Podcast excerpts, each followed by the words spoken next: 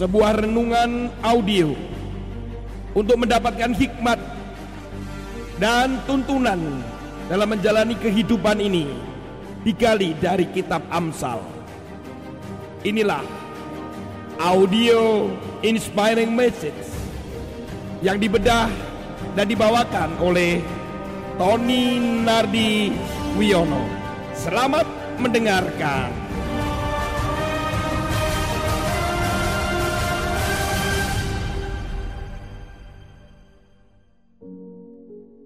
Shalom Bapak Ibu sekalian, kita sekarang akan membaca firman Tuhan pada Amsal pasal 12 ayat yang ke-22. Orang yang dusta bibirnya adalah kekejian bagi Tuhan, tetapi orang yang berlaku setia dikenannya.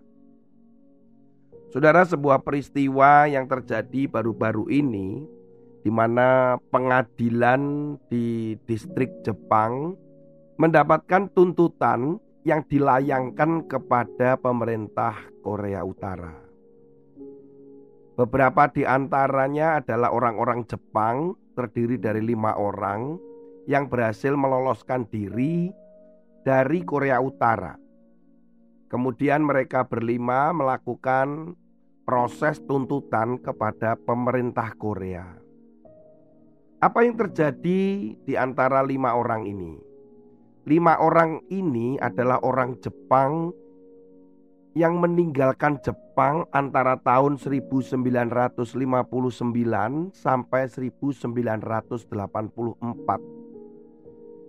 Lima orang ini ada di antara 93 ribu orang Jepang yang melakukan kepindahan atau eksodus meninggalkan Jepang menuju ke Korea Utara. Pada saat itu mereka melepaskan keluarga negaraan Jepangnya. Kemudian mereka meninggalkan Jepang menggunakan kapal, yaitu kapal dari Soviet atau Rusia, kemudian menuju ke Korea Utara. Mengapa 93 ribu orang Jepang ini berani untuk pindah dari Jepang menuju ke Korea Utara? Ini adalah hasil daripada tipu daya atau kebohongan yang dilakukan oleh Korea Utara kepada orang-orang Jepang ini. Pada masa itu mereka diinformasikan bahwa Korea Utara adalah negara yang luar biasa makmur. Bahkan mereka dijanjikan untuk mereka mendapatkan apartemen gratis, tempat tinggal, mereka dapat makan, dapat pekerjaan, mereka juga mendapatkan fasilitas-fasilitas yang lain, termasuk sekolah untuk anak-anak mereka. Betapa itu adalah janji-janji surga yang dijanjikan itu membuat mereka berani meninggalkan keluarga negaraan Jepangnya kemudian pindah ke Korea Utara. Tapi kenyataan harus diterima. Ketika mereka tiba di Korea Utara yang mereka lihat, yang mereka rasakan benar-benar seperti bumi dan langit. 180 derajat berbeda dari janji-janji semula yang sudah diberikan kepada orang-orang Jepang ini. Rumah juga tidak ada, pekerjaan tidak ada, makanan cuma dijatah 1,6 kilo per bulan berupa beras atau jagung. Kemudian didapatkan banyak orang-orang yang menderita sakit, bahkan tidak jarang mereka ini juga melihat orang yang mati kelaparan di luar. Kamar mandi kotor, air bersih tidak ada. Betul-betul mereka menderita sekali. Sementara mereka tidak bisa kembali ke Jepang.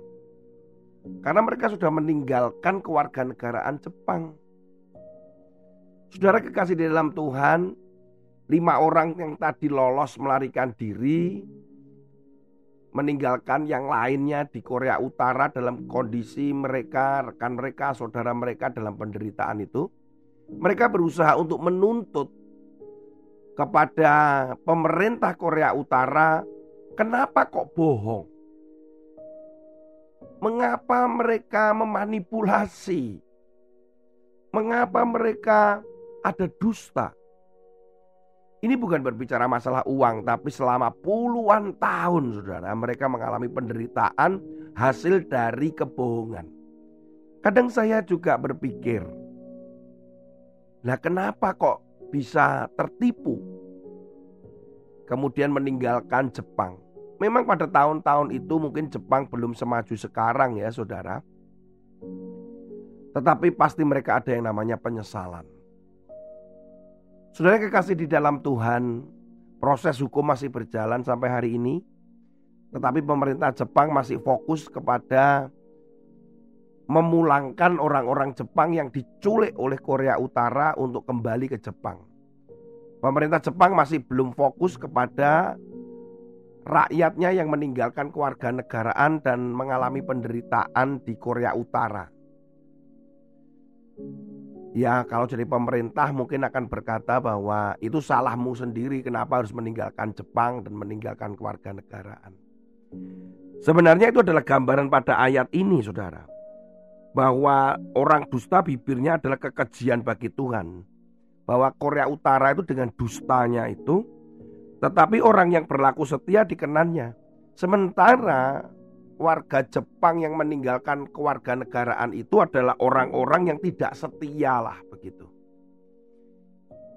Saudara kekasih di dalam Tuhan, pertanyaannya apakah saudara dan saya bisa setia sampai nanti kedatangan Tuhan atau ketika tiba masanya kita pulang ke rumah Tuhan. Setia untuk melakukan pekerjaan Tuhan, melakukan firman Tuhan, setia di dalam mengiring Tuhan. Atau di dalam perjalanan-perjalanan hidup kita ini selalu penuh dengan yang namanya tipuan-tipuan. Saudara kekasih di dalam Tuhan, Bapak Ibu sekalian, kalau masalah tipu menipu, kita tahu bahwa bapak penipu atau pendusta itu adalah si iblis. Polanya kalau dilihat, mari kita lihat dalam kejadian pasal yang ketiga, ketika manusia jatuh di dalam dosa. Juga kita bisa lihat pola penipuan dan dustanya adalah ketika si iblis mencobai Yesus ketika ada di padang gurun saat masa puasa 40 hari itu. Yang pertama polanya, saudara, kejadian pasal 3 itu kita melihat dalam perikopnya adalah manusia jatuh dalam dosa.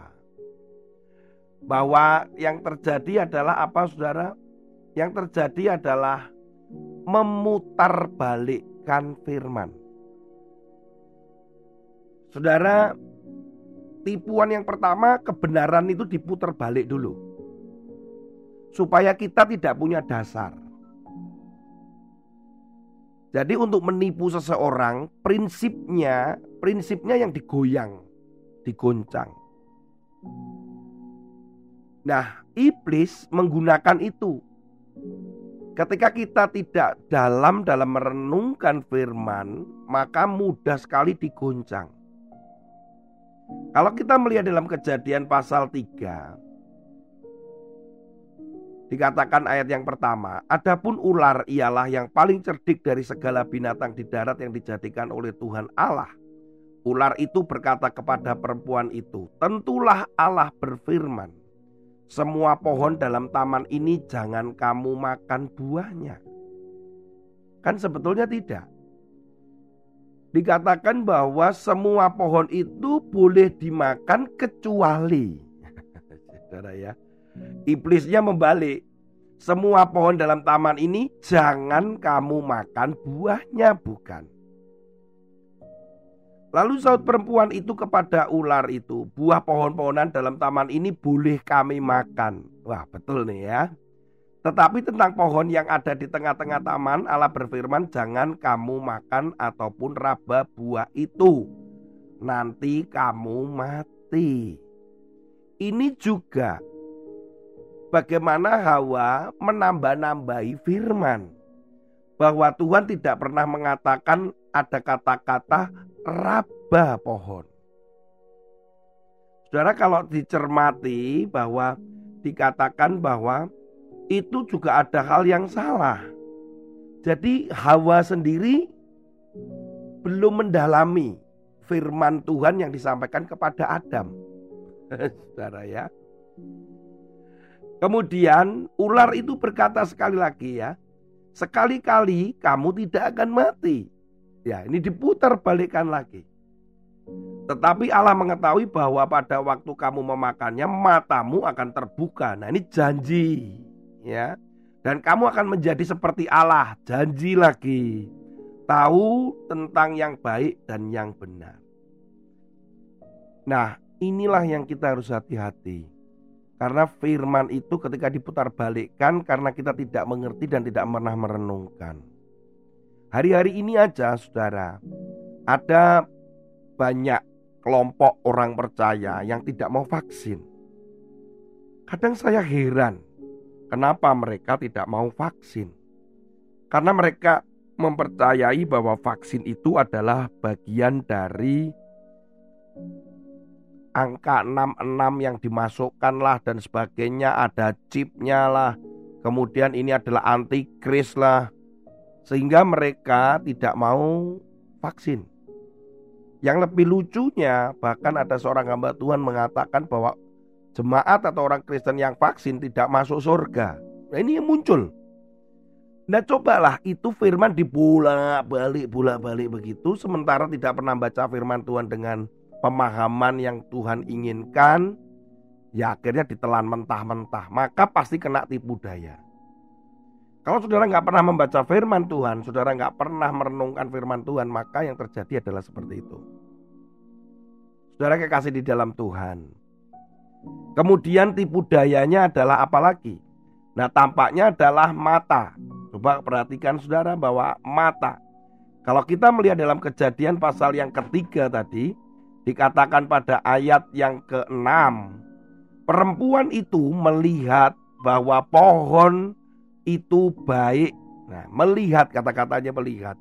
Jadi setelah diguncangkan firman Tuhan itu dan diputar balik, maka yang kedua adalah tipuannya lewat mata. Perempuan itu melihat bahwa buah itu baik untuk dimakan sedap kelihatannya. Lihat tipuan mata.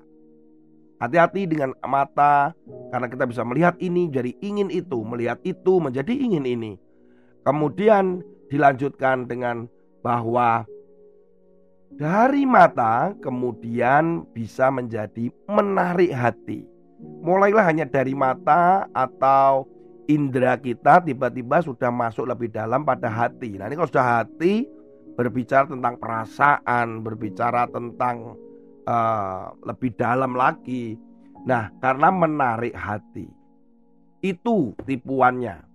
Kemudian tipuan yang keempat ya berarti satu firman kedua mata melihat ketiga mulai hati yang keempat adalah tipuan lewat orang lain kenapa karena Hawa mulai menawarkan itu kepada suaminya atau Adam lewat orang terdekat. Oh dia juga melakukan. Masa saya nggak melakukan sih? Wong dia nggak apa-apa kok saya juga melakukan. Ah. Nah jadi lewat orang lain kita akhirnya juga bisa tertipu. Saudara kekasih di dalam Tuhan mari kita berhati-hati dengan tipu-tipuan itu. Janjinya janji sorga janjinya adalah janji yang nyaman nikmat tapi kita harus hati-hati. Saya berdoa bahwa saudara tetap setia saudara tetap taat, saudara tetap ada di dalam jalan yang benar, jalannya Kristus sendiri. Saudara benar-benar dalam dalam merenungkan firman Tuhan supaya tidak bisa diputar balikkan. Dan mari sampai akhir kita tetap setia. Tuhan Yesus memberkati. Amin. Renungkan firman-Mu Siang dan malam ku pegang perintahmu dan ku lakukan. Engkau tahu ya Tuhan Tujuan hidupku hanyalah untuk menyenangkan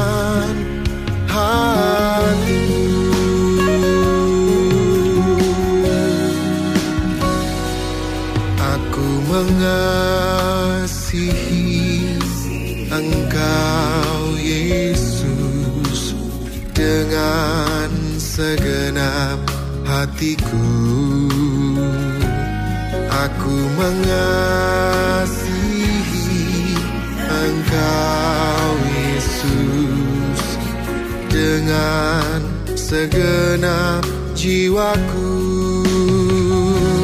Ku renungkan firmanmu siang dan malam pegang perintahmu dan ku lakukan Engkau tahu ya Tuhan tujuan hidupku hanya.